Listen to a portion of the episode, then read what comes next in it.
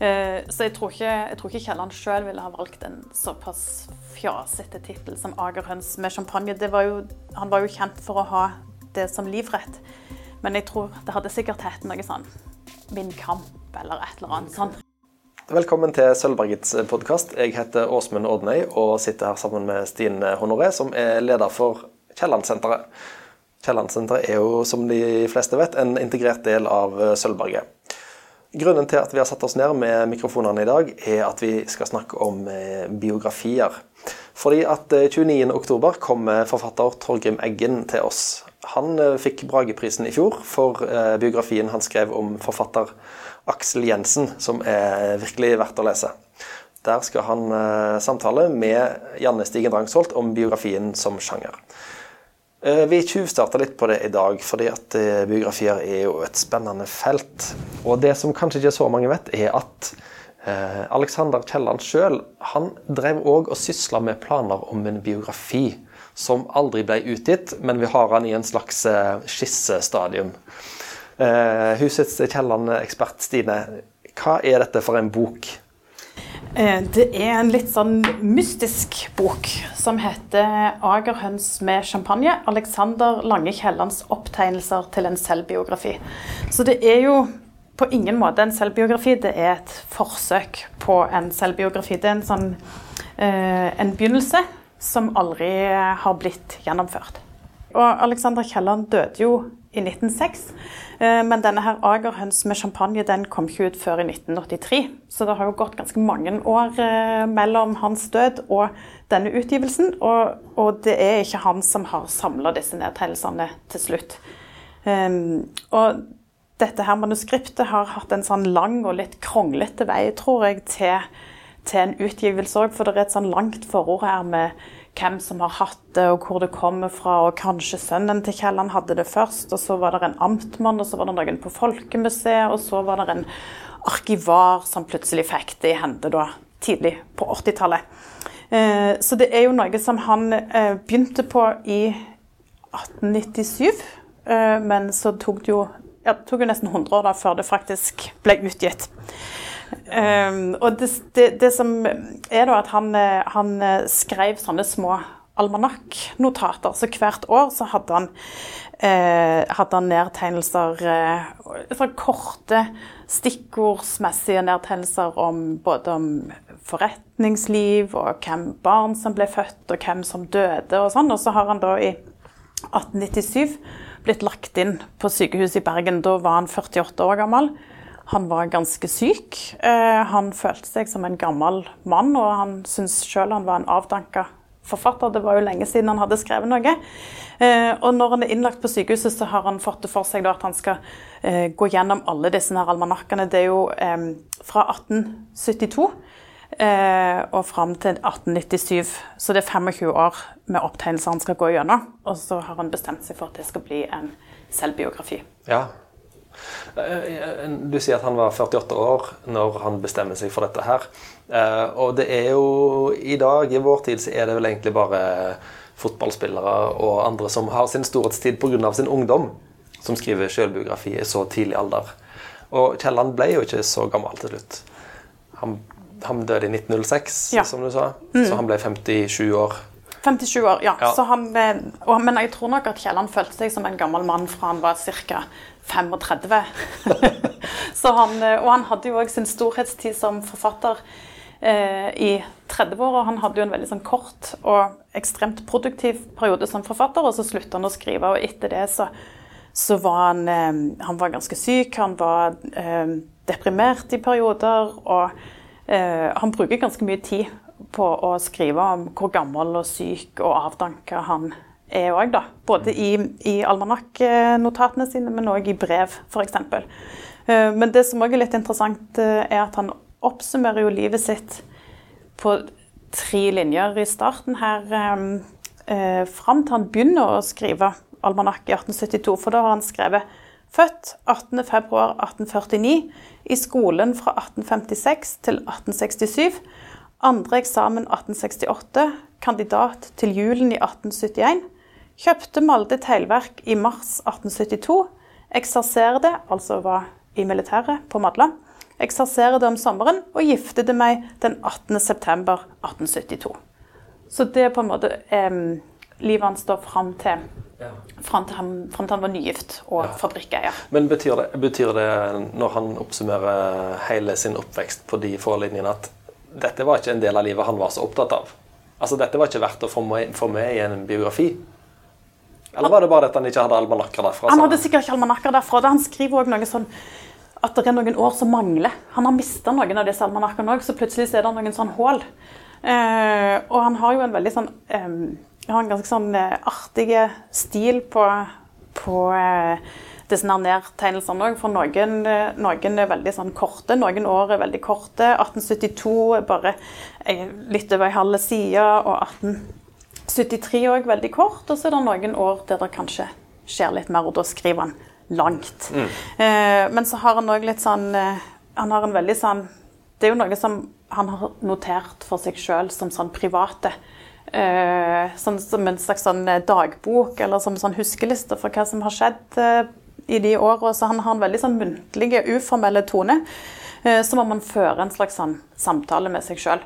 Eh, og litt sånn at, han, eh, at tankene vandrer litt. For av og til så skriver han sånn Nei, dette husker jeg ikke. Og var jeg i den begravelsen? Det vet jeg ikke helt. Og, nei, dette gidder jeg ikke å fortelle likevel, for den historien har jeg fortalt så mange ganger før. Ja. Så det er en sånn samtale med seg sjøl òg, litt dette her. Og, og det som eh, vi mange forbinder med Kielland i dag, er jo at han var, han var glad i det gode liv, han var eh, glad i mat, han var sløsete.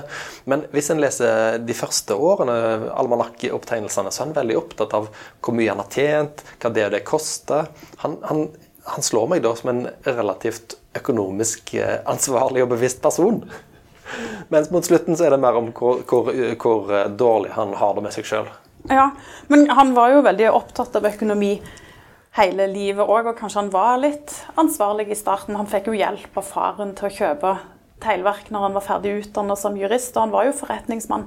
Eh, Men det gikk jo ganske fort dårlig med økonomien, eh, og jeg tror nok at hele grunnen til han i det hele tatt skulle skrive en selvbiografi, var jo for å tjene penger. Det var jo litt sånn som fotballspillerne og som jeg vet ikke jeg eh, disse her kommersielle selvbiografiene. Det var, det var for å tjene penger. Ja. Når en skriver selvbiografi i dag, politikere f.eks., så er jo det en, et, eh, en, en, en kjærkommen anledning til å, til å ta et oppgjør. Eller fortelle, at, eh, fortelle sin side av saken og sette på plass alle som man, alle som man har eh, vært uenig med opp igjennom. Er det mye spor av dette i Kielland sin tekst? At han, er, at han forteller hva han egentlig syns om den og den og den? Ikke så mye i denne, i denne her, eh, utgivelsen her, eller i det almanakknotatene. Det finner vi mer i brevet til Kielland, tenker jeg.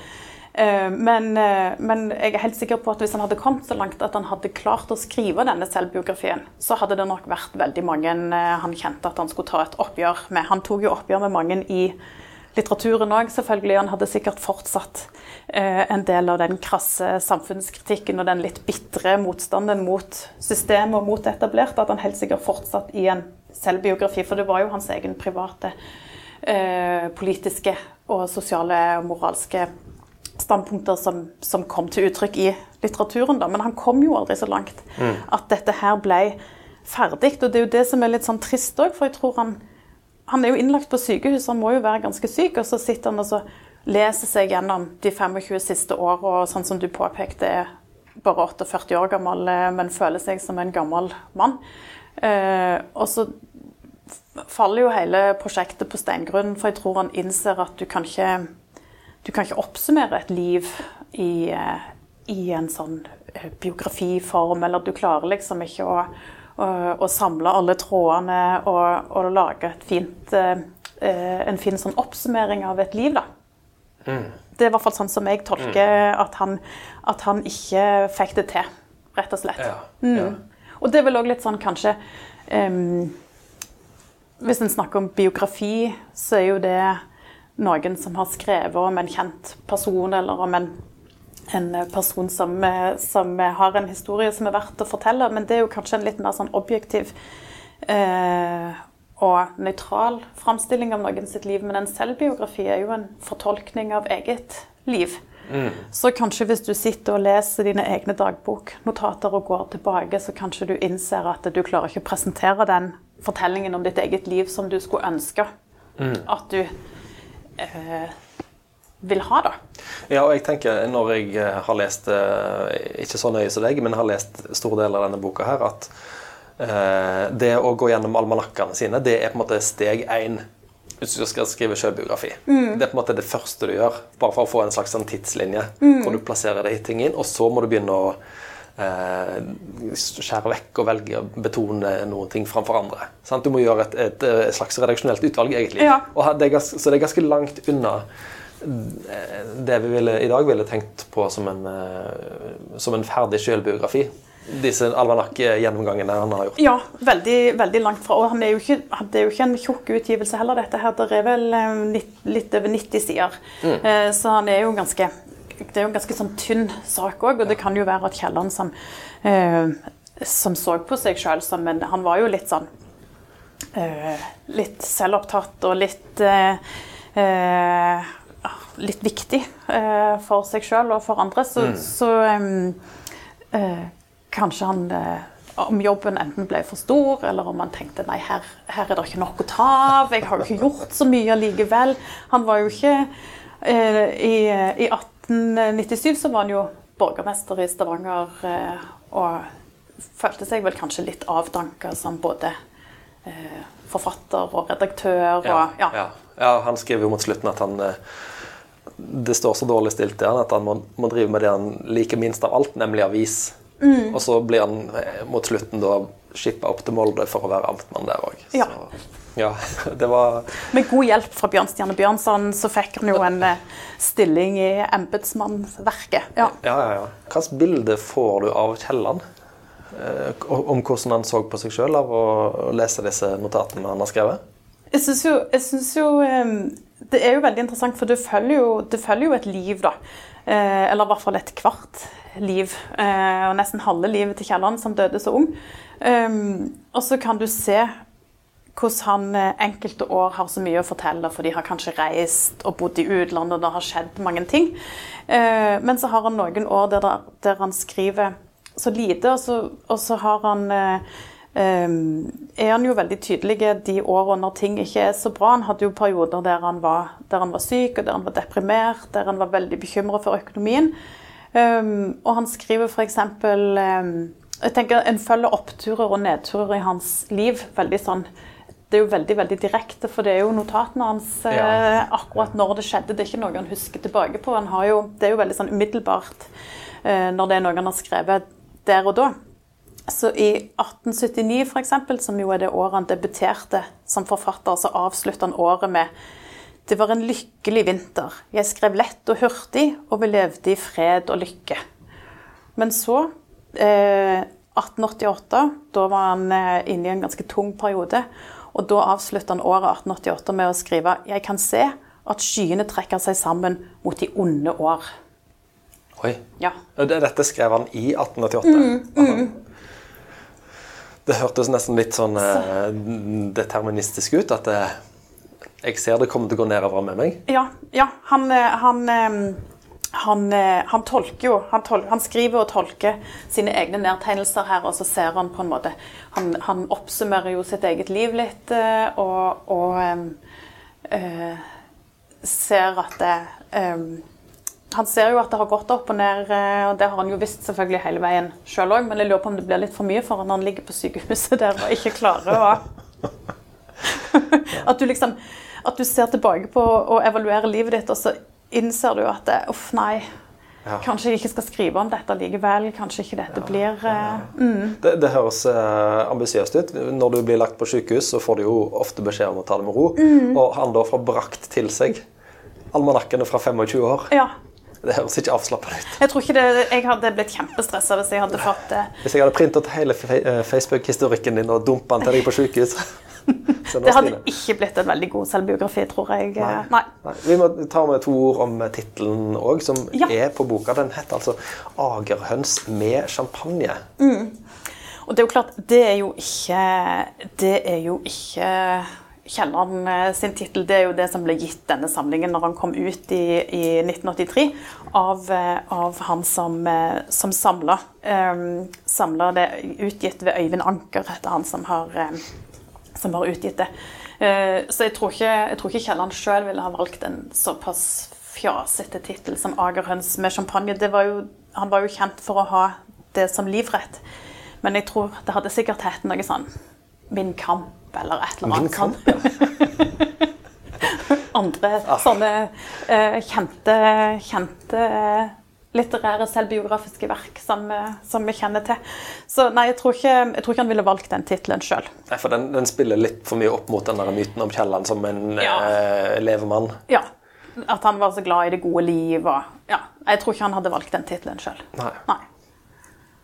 Men det er jo en annen ting eh, som vi må si òg om dette her som er eh, veldig interessant. Og det er jo at eh, Vigdis Hjorth eh, i 2017 leste eh, disse her opptegnelsene til eh, en selvbiografi og skrev et essay om det som heter tale og tie'. der hun har basert det essayet på. der hun på en måte igjen tolker Kielland sitt forsøk på å fortolke sitt eget liv. Og det er veldig interessant. Eh, og det var eh, bakgrunn for Kielland-foredraget i 2017. Og det er jo òg en podkast som fins på Sølvberget sine nettsider. Helt sant. Vigdis Hjorth-foredrag eh, har vi liggende. Det stemmer. Så hvis en ikke vil høre eh, oss to snakke om eh, Kiellands eh, forsøk på en selvbiografi, så kan en høre Vigdis Hjorth sin. Ja.